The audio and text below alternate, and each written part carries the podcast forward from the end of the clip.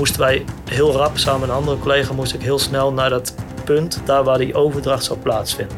En snel is echt snel, dus we kregen een dienstopdracht dat we gewoon een maximum snelheid kunnen overschrijden en gewoon als een malle die kant op. Over de A6 richting Emmeloord scheurt een auto keihard over de linkerbaan. Achter het stuur zit rechercheur Leendert. Via het belsysteem in de auto worden Leendert en zijn collega continu op de hoogte gehouden. Hij is onderweg, horen ze hun onderzoekleider zeggen. Tegelijkertijd wordt in de tapkamer op kantoor een telefoongesprek afgeluisterd. Er klinkt aan de andere kant van de lijn een tijd, een locatie en een bevestiging van levering. Als ze niet snel genoeg zijn, raakt het pakketje uit zicht. En dat gevaarlijke, zeer illegale stofje mag absoluut niet in verkeerde handen terechtkomen. Het is wel een hele gevaarlijke stof. Dus als die beste douanebeambte het pakketje open had gemaakt die stof was vrijgekomen, had hij maar zo kunnen overlijden. Roet in het eten. In deze podcast neem ik, Ben Prins, je mee door de spannende true crime verhalen van de NVWA IOD, de opsporingsdienst van de Nederlandse Voedsel- en Warenautoriteit. Van verborgen paardenvlees en ziekmakend babymelkpoeder tot verboden hormonen en illegale bloembollen. De rechercheurs van de NVWA IOD krijgen de meest vreemde, verrassende en ingewikkelde zaken op hun bordje. En het zal je nog verbazen hoe spannend hun dagelijks werk is. Welkom bij aflevering 5. Heimelijke hormonen. Het is 2013 als de NVWA-IOD wordt gebeld door het laboratorium van de douane. Ze hebben een verdacht pakketje onderschept en de kennis en kunde van de experts van de IOD is keihard nodig. Het poeder dat in het pakketje zit blijkt namelijk potentieel gevaarlijk voor mens, dier en milieu. De IOD besluit meteen in actie te komen. Bij zo'n actuele en dringende zaak is het eerste dat telt de illegale en gevaarlijke handel zo snel mogelijk bij de bron aanpakken, de daders met behulp van opsporingsmiddelen achterhalen en het spul uit de keten halen. Wat is er precies aan de hand in dat lab? Wij kregen uh, vanuit van de douane Nijmegen kregen wij een pakketje opgestuurd. En daar zat wit poeder zat erin. Vijf zakken, A1 kilo uh, wit poeder. Ehm, ja, aan ons werd gevraagd van uh, wat is het? En dan ook natuurlijk onder welke wetgeving valt het eventueel. Marielle Zwaagstra is chemicus in het douanelaboratorium. Ze is eindverantwoordelijk voor het monsteronderzoek in het lab en gespecialiseerd in geneesmiddelen. Als het pakketje uit Nijmegen binnenkomt, lijkt het op het eerste oog bekend terrein. Witte poedertjes krijgen ze wel vaker binnen. Anabolen, afslankmiddelen, drugs.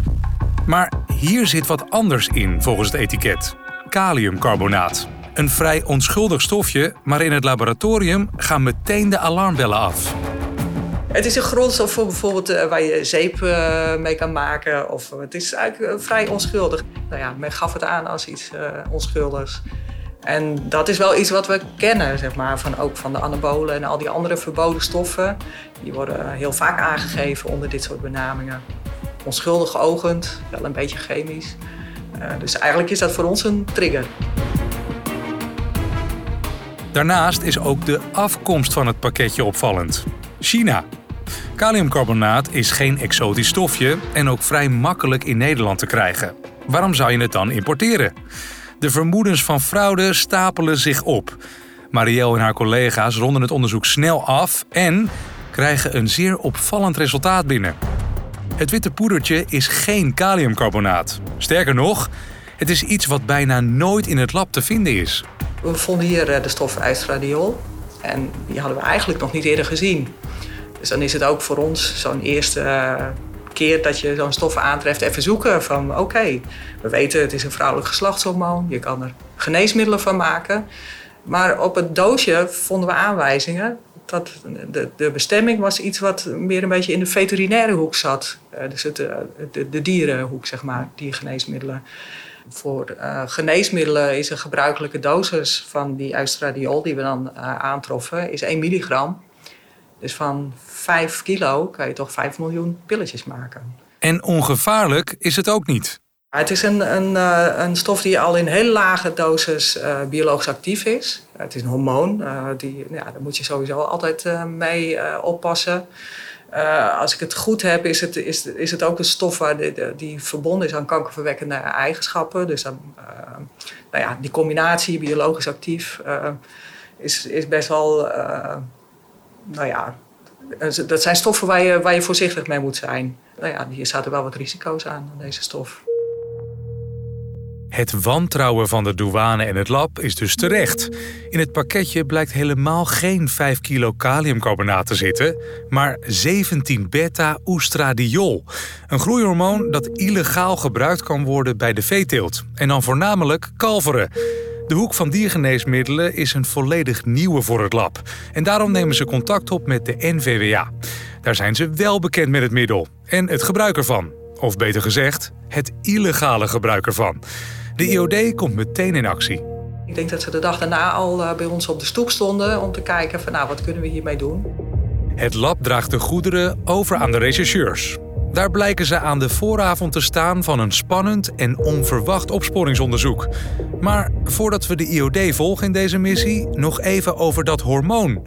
17-beta-oestradiol. Een vrouwelijk geslachtshormoon, zei Marielle al. Om illegaal toe te dienen aan kalveren. Maar waarom zou je dat doen? Jan Schriks, expert diergeneesmiddelen bij de NVWA, legt het uit. Er zijn tijden dat er meer van die hormonen zijn en tijden dat er minder van die hormonen zijn. Nou ja, je kent de cyclus van de vrouw, is natuurlijk eh, bijvoorbeeld een goed voorbeeld ervan. Uh, en als je dus inderdaad nog meer toedient van buitenaf, dan, uh, ja, dan kan een soort uh, over, het komt het dier in een soort overdrive. En die overdrive, dat is precies wat de ontvanger van dit verdachte pakje wil bereiken. Overdrive in de vetafbraak van het dier. De bedoeling is natuurlijk dat het dier minder vet maakt, of vet afbreekt zelfs. Uh, en de energie gebruikt voor spieraanzet, want dat wordt het vlees. Daar zit de crux. Meer vlees. En zo levert een dier dus ook meer geld op. Maar er is een probleem. De reden dat de NVWA-IOD er meteen bovenop zit. Dat 17 beta-oestradiol is namelijk hartstikke verboden sinds 1961 in Nederland en sinds 1988 in heel Europa.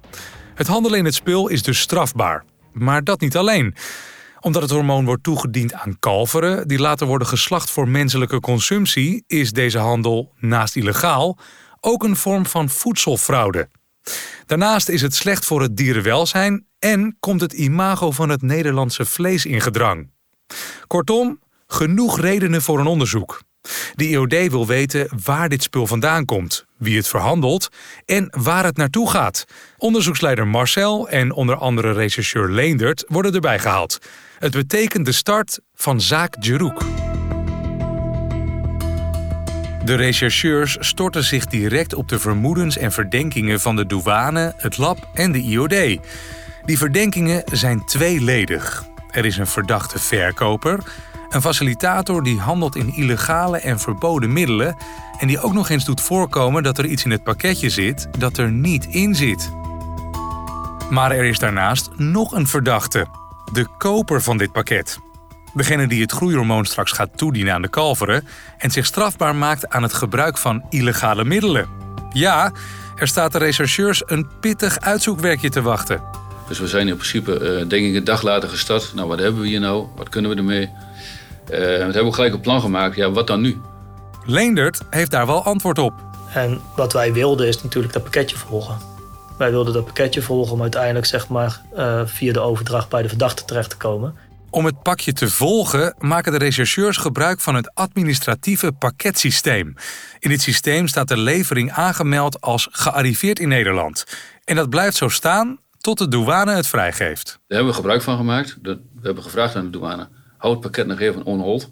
Werd het pakket eruit gelicht. Het bleef wel in het systeem staan, zodat want een, iemand die kan gewoon inloggen in het systeem, die kan zien, oh, mijn pakket is onderweg.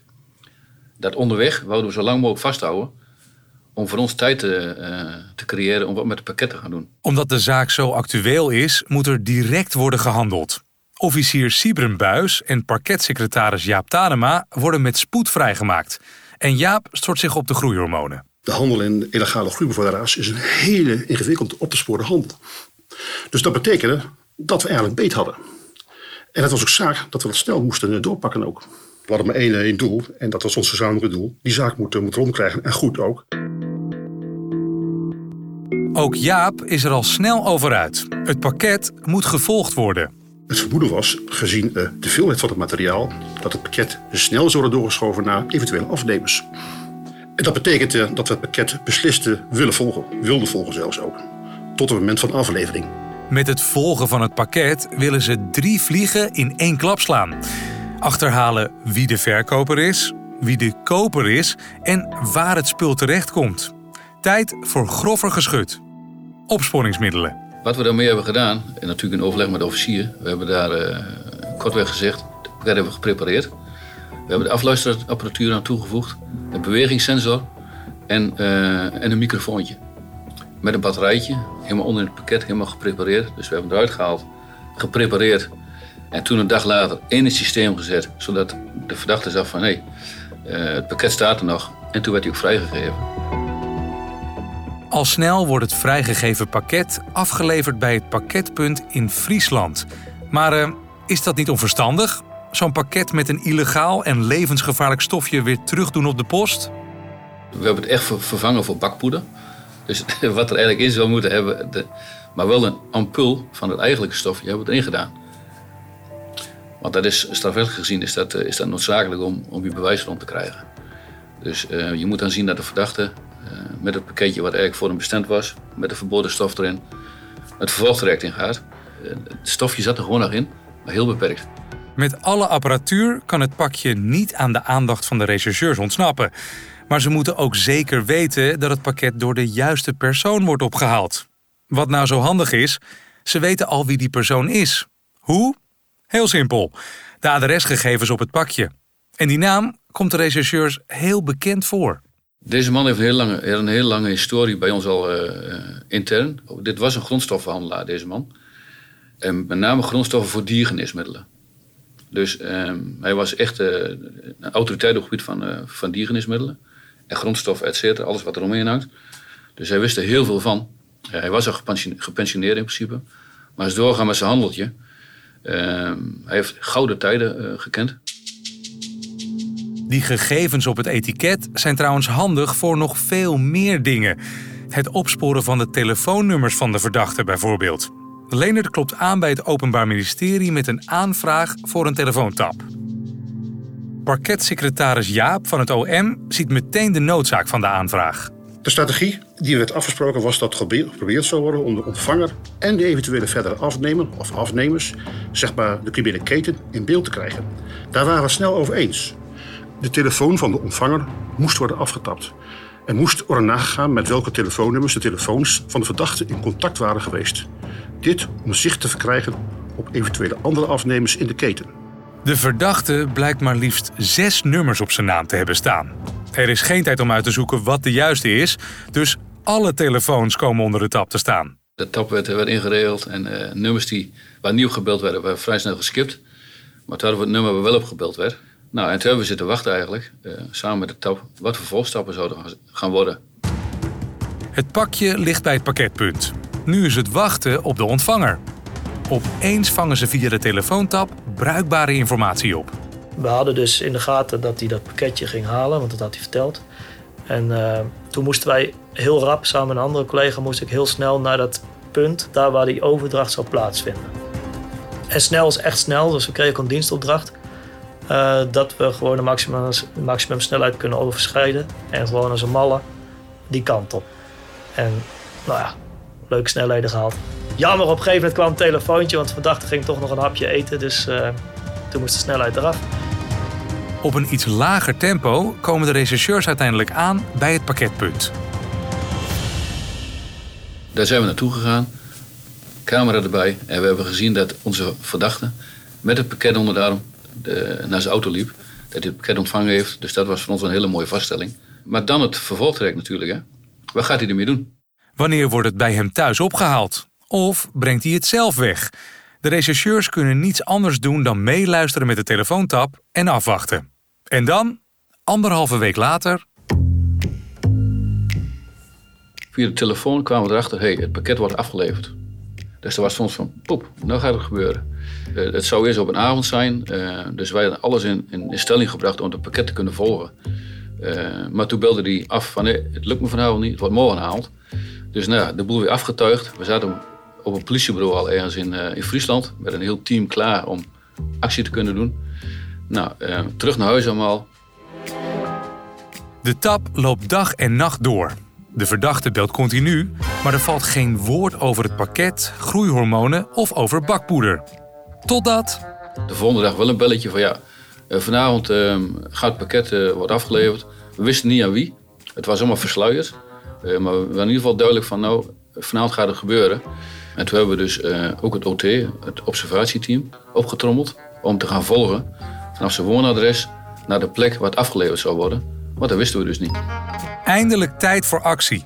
Het OT gaat achter de verdachte aan. Tenminste, als ze kunnen achterhalen welke auto hij gaat gebruiken. Die had eh, vijf oude, Mercedes op naam staan. Dus we wisten niet welke auto dat hij zou pakken. Er was er eentje die was gestolen in Duitsland. Eh, nou, die pakte die toevallig. En eh, daar stond ook het pakket in. Dat konden we zien op een gegeven moment dat het pakket in die auto stond. Dus dat OT zat er achteraan. En niet met één, maar met zes auto's. Hoe doe je dat onopvallend met zes voertuigen achter één iemand aan? Er zit gewoon een team omheen die, eh, die meer rijdt. En eh, die wisselen elkaar af. Maar die houden gewoon de auto van de verdachte in de gaten. En die zitten er niet zo kort achter zoals je in de film ziet. Maar die zitten er heel ver achter. Je merkt het in principe niet. Je moet het niet merken. Ja, maar dat is echt een speciale expertise. Dat is een apart team die, dat, eh, die daarvoor opgeleid is. De auto's rijden zo onopvallend mogelijk achter de Mercedes aan. Alles om geen argwaan te wekken. Maar de verdachte rijdt niet zo netjes als gehoopt. Hij is, eh, onderweg is hij eh, ergens naartoe gegaan waar je dacht, wat doet hij daar? Nou, ehm, maar toen op een gegeven moment ehm, werd het best wel heel spannend. Van, ehm, want hij vloog links en rechts overal naartoe. Toen hebben we onderweg bij een tankstation, om zekerheid te krijgen dat we het pakket niet zouden verliezen, hebben we nog een plakbaken op zijn auto geplakt. Die bevestigen ze aan die auto. En dan kunnen ze gewoon eh, kunnen ze volgen waar die auto rijdt. Het voordeel is dat zij, als ze volgen met meerdere auto's, dat ze niet vlak op, eh, vlak op hem hoeven te rijden. En als ze hem bijvoorbeeld een keer kwijtraken, dan zijn ze hem niet echt kwijt. Terwijl de verdachte afrekent bij de kassa, duiken de rechercheurs onder de Mercedes en plakken ze het apparaatje vast. Nu wordt de chauffeur echt aan alle kanten in de gaten gehouden. Via de tap horen ze wat de eindbestemming van de rit is. Op een gegeven moment hadden we in de gaten dat hij eh, naar Van der Valk in Emmeloord zou gaan. Dus daar zou in principe de overdracht plaatsvinden. Maar dat zou in de avond zijn. Hij had ook een hotelkamer gehuurd, dus we wisten ook niet of dat vroeg in de avond zou zijn of misschien s'nachts wel zou zijn. We zagen wel dat het pakketje nog steeds in zijn auto stond. Wat gaan ze doen? Wachten in de auto of Dus wat we gedaan hebben, we hebben bij Van der Valk hebben we een kamer gehuurd. Recht tegenover de verdachte. Wij liepen daar naar binnen. En dan is dat opsporingspasje zo mooi, want dat eh, opent werkelijk deuren. En eh er was gewoon een vraag eventjes aan die Bali-medewerker van Goh, is de chef er ook? Eh, even met hem in gesprek. Net is er, heeft er iemand ingeboekt. We willen graag weten welke kamer dat hij geboekt heeft. En we willen een kamer vlak bij hem in de buurt. Nou, dat was snel geregeld. En daar, dat werd eigenlijk een beetje ons hoofdkwartier. Vanuit het hoofdkwartier zien ze dat het pakketje in de hotelkamer van de verdachte ligt. Aan de overkant van de gang. Terwijl de man rustig zijn dag doorloopt, kijken en luisteren de rechercheurs mee. Wachtend op het moment suprême. veel wachten en, en, en luisteren. Zo kwamen bijvoorbeeld te weten dat hij even ging sporten, want dat had hij dan eh, tegen iemand gezegd. En wij moesten gewoon wachten op het juiste moment. Want we wilden het liefst eigenlijk dat dat pakketje werd overgedragen vervolgens weer aan degene die het dus echt nodig was. We zaten dus op die kamer met roomservice uiteraard. En eh, dikke, dikke uitsmijters eh, besteld. Heerlijk gegeten, we hadden best wel trek. Na een hele middag wachten horen de rechercheurs in de tapkamer opeens een kleine doorbraak. Er zouden mensen komen met wie hij ging eh, dineren. Maar ja, wij wilden eigenlijk toch graag het gesprek afluisteren als hij lekker aan het eten was daar in de Van der Valk. Een undercover plan volgt. Toen hadden we een plannetje bedacht dat ik samen met eh, mijn collega eh, Michelle, wij zouden een koppel vormen. En we zouden doen alsof wij bij elkaar hoorden. En bij het tafeltje van die verdachte, zo dicht mogelijk in de buurt, zouden gaan zitten om op die manier het gesprek af te luisteren. Dus eh, nou, Michelle, Michelle is gelukkig een leuke meid, dus dat was voor mij geen straf. Wij kwamen zeg maar eventjes voor de vorm het hotel uit, het hotel in. Ik, uh, ik deed super hoffelijk, doe ik bij mijn eigen vrouw nooit. Van joh, zal ik je jas even ophangen? Nou, in dit geval deed ik dat dus wel. Dus uh, wij kwamen zo binnen als, als stel, zeg maar. En we gingen dus zitten daar bij dat tafeltje waar hij zat te wachten op zijn, op zijn bezoek, zeg maar. Om geen argwaan te wekken, moet de date tussen Leonard en Michelle er zo echt mogelijk uitzien. Dat betekent een romantisch driegangenmenu. Ook als je net een uitsmijter op hebt. Je kan moeilijk aan een tafeltje gaan zitten en helemaal niet eten. Dan klopt dat plaatje niet. Hè? Want je bent twee, je bent een stelletje, je vindt elkaar leuk. Je gaat aan een tafeltje, een gezellig etentje. Maar toen gingen die uitsmijters, die zaten nog best wel hoog. En die vent die bleef maar zitten. En wij hadden dus ons voorgerechtje. En toen kwam het hoofdgerecht. En ik kan over het algemeen heel veel eten, maar ik heb ook een bepaalde uh, grens, zeg maar. Maar die was wel bereikt, want die, hij bleef maar zitten en het bezoek daar kwam maar niet opdagen. Dus wij dachten, ja, we kunnen niet weg. Maar je kan moeilijk ook gewoon tegenover elkaar gelopen staren. Over het werk kan ik natuurlijk sowieso niet hebben. Maar ja, dan moet je ook nog het ijs, bijvoorbeeld, dat, het nagerecht. Nou, er is niet er is veel teruggegaan. Dat is eigenlijk heel zonde. Als ik aan terugdenk, vind ik dat nog steeds zonde. En ja, teleurstellende was wel dat er niemand kwam opdagen. Dat was wel jammer. En ik zat rug aan rug met de verdachte. Een perfecte plek, zo rug aan rug. Maar helaas, het tafelgezelschap van de verdachte komt niet opdagen. Het gelegenheidskoppeltje keert terug naar het hoofdkwartier in de hotelkamer. En dan werd het dus gewoon nacht en ik bleef over met, uh, met uh, Robert, mijn collega Robert, op die kamer. En uh, ja, wachten op wat komen ging, zeg maar. Van, ja, op een gegeven moment moet je ingrijpen. Want het was bij ons wel zo duidelijk van ja, of hij heeft uh, toch een beetje onraad geroken.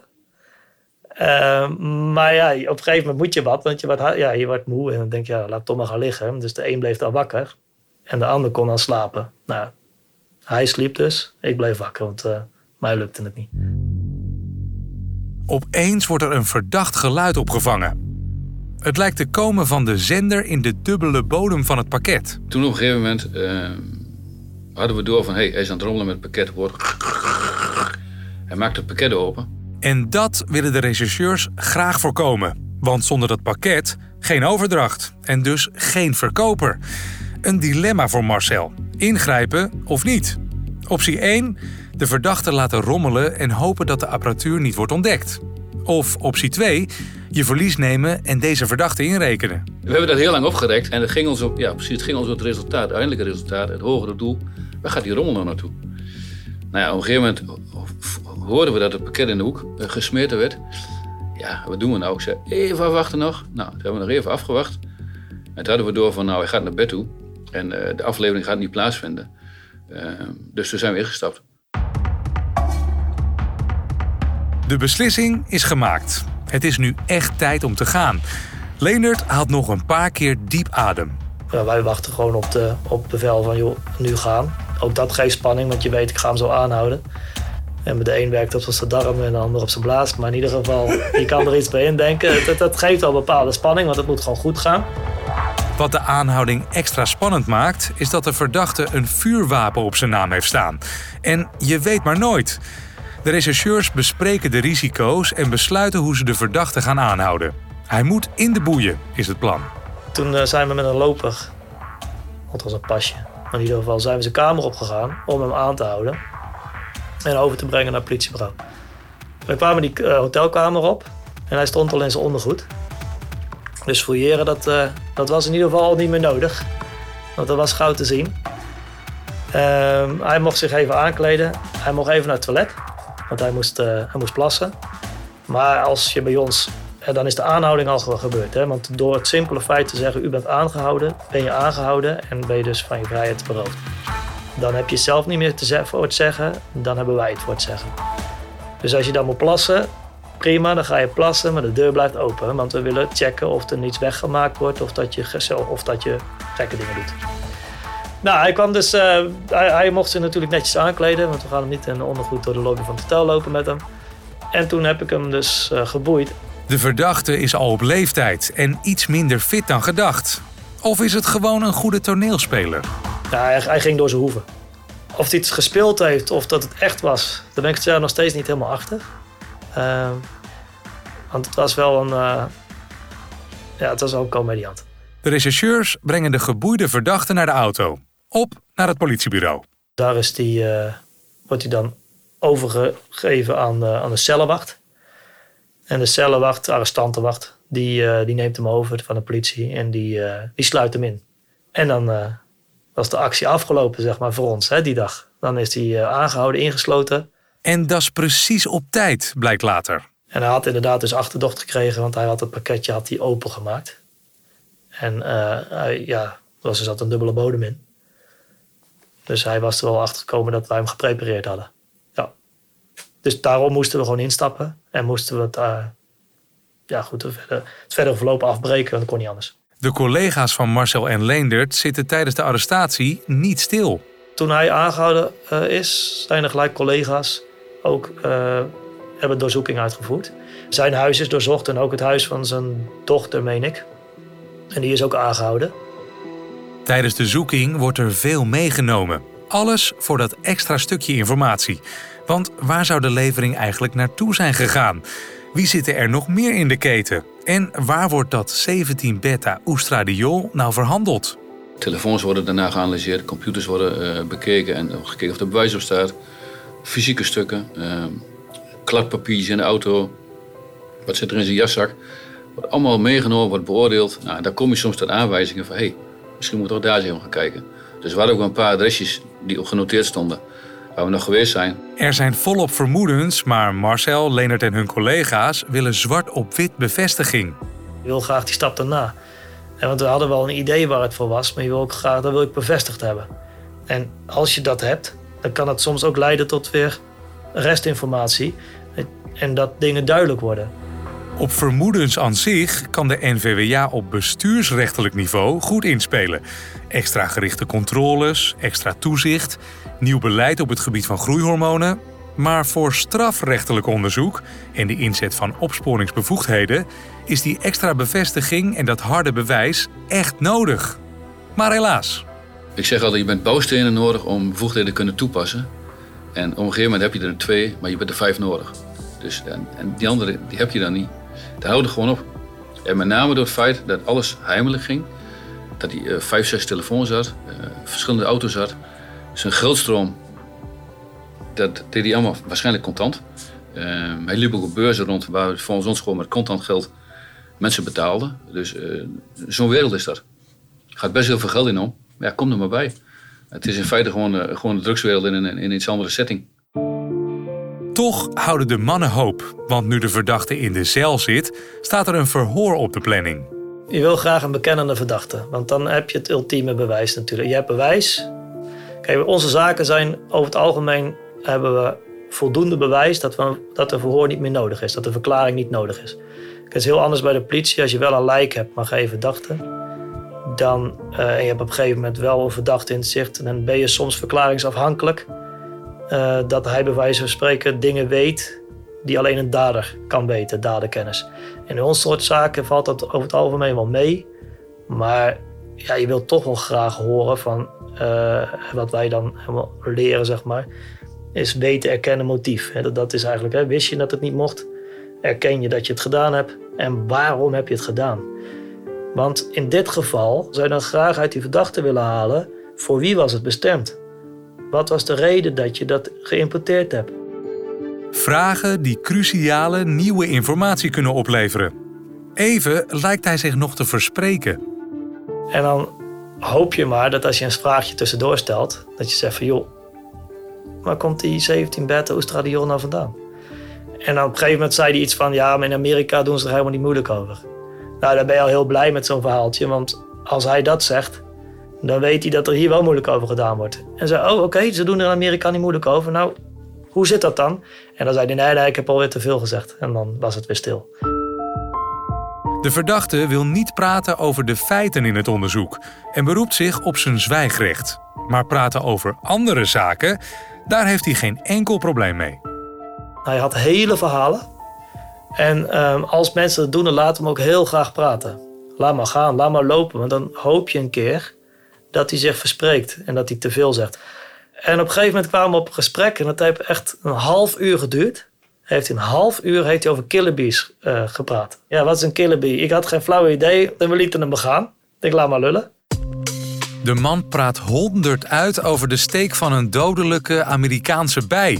Volgens hem de reden van zijn instabiliteit en ziektes. Maar totaal irrelevant bij deze zaak. Ja, het is, een, eh, het is echt een toneelspeler. Hem ook in de cel vastzitten dat hij uh, nou, van alles assaneerde, zeg maar. Hartklachten. Maar hij wou eruit. Uh, gekste dingen met hem beleefd. en op een gegeven moment kwam hij dus ook in een rolstoel kwam hij de rechtszaal binnen. Maar de camera in zijn cel vertelt toch echt wat anders. Hij kon zich verschrikkelijk goed aanstellen. Alleen wist hij niet dat hij een camera in zijn cel had. En uh, als, we, als hij dan uit zijn cel gehaald werd, dan strompelde hij naar zijn verhoorkamer. En dan, nou echt, dan, als, je hem dan als je hem had gezien, dan zou je hem een kwartje geven. Ik denk, nou, die man die, die haalt de dag niet. En dan strompelde hij ook weer terug naar zijn cel. Maar als hij in zijn cel was, dan liep hij gewoon rechtop en er was niks aan de hand. Alleen dat hij zelf niet in de gaten dat dat wel gezien werd, zeg maar. Meer informatie over de bestemming van het pakket wordt niet gevonden. Maar deze 5 kilo aan hormonen is wel van de markt gehaald. En dat is al een enorme winst. Eenmaal terug op kantoor stort het team zich op het rondmaken van de zaak en het schrijven van een procesverbaal. Het maken van processenverbaal in dit soort zaken is niet eenvoudig. De regelgeving waar we mee werken, en met name eh, zoals die geïmplementeerd is vanuit Europa in onze eigen regelgeving, is soms heel complex omschrijven. En ook de stoffen waar het om gaat. Dus je moet ook uitleggen wat voor stofje dat dit is. We zijn naar, naar een wetenschapper geweest die, die, een heel rapport heeft geschreven wat dit voor stof is, wat de toepassingsmogelijkheden zijn, uh, hoe gevaarlijk dat het is, et cetera. En dat, uh, daarmee bouw je je complete zaak op om aan te geven, nou, wat hij hier doet, dat kan echt niet. En dat is echt een vette overtreding en dat moet aangepakt worden. En naast het handelen in het gevaarlijke stofje, misdaad 1, leggen ze ook misdaad 2 vast. Nou, dat is bijvoorbeeld ook de, de zaak geworden dat hij een valsheid heeft gepleegd om dat spul onder valse voorwendselen in Nederland te krijgen. Nou, dat beschrijft dus in een zaakspecificaal waaruit de rechter zometeen gewoon ziet van oké, er is inderdaad sprake van valse geschriften, want aan bepaalde bestanddelen is voldaan. En daarmee zit het werk van Marcel en Leendert erop. Ja, nou, meestal doen we inderdaad ook wel even met z'n allen gewoon uh, een biertje bijvoorbeeld hè, erop. Ik zeg proost. Bedankt voor het luisteren naar de vijfde aflevering van Roet in het Eten. Een podcast over en van de NVWA IOD. De podcast is een productie van Podworks en ik ben Prins. Wil je meer informatie over het werk van de NVWA IOD? Of ben je zelf geïnteresseerd in een functie zoals die van rechercheurs Marcel en Leendert? Ga dan naar nvwa.nl/iod. Hier vind je alles wat je moet weten, inclusief de nieuwste vacatures. Ook kan je op de website melding doen van fraude. Heb je vragen over de NVWA-IOD of over de zaak rondom de groeihormonen? Mail dan naar podcastiod.nvwa.nl. Dit was de laatste aflevering van Roet in het Eten. Leuk dat je mee op pad wilde in de intrigerende en spannende wereld van voedsel- en milieufraude. Wie weet, tot de volgende keer. Want het werk van de NVWA-IOD gaat gewoon door. Dag!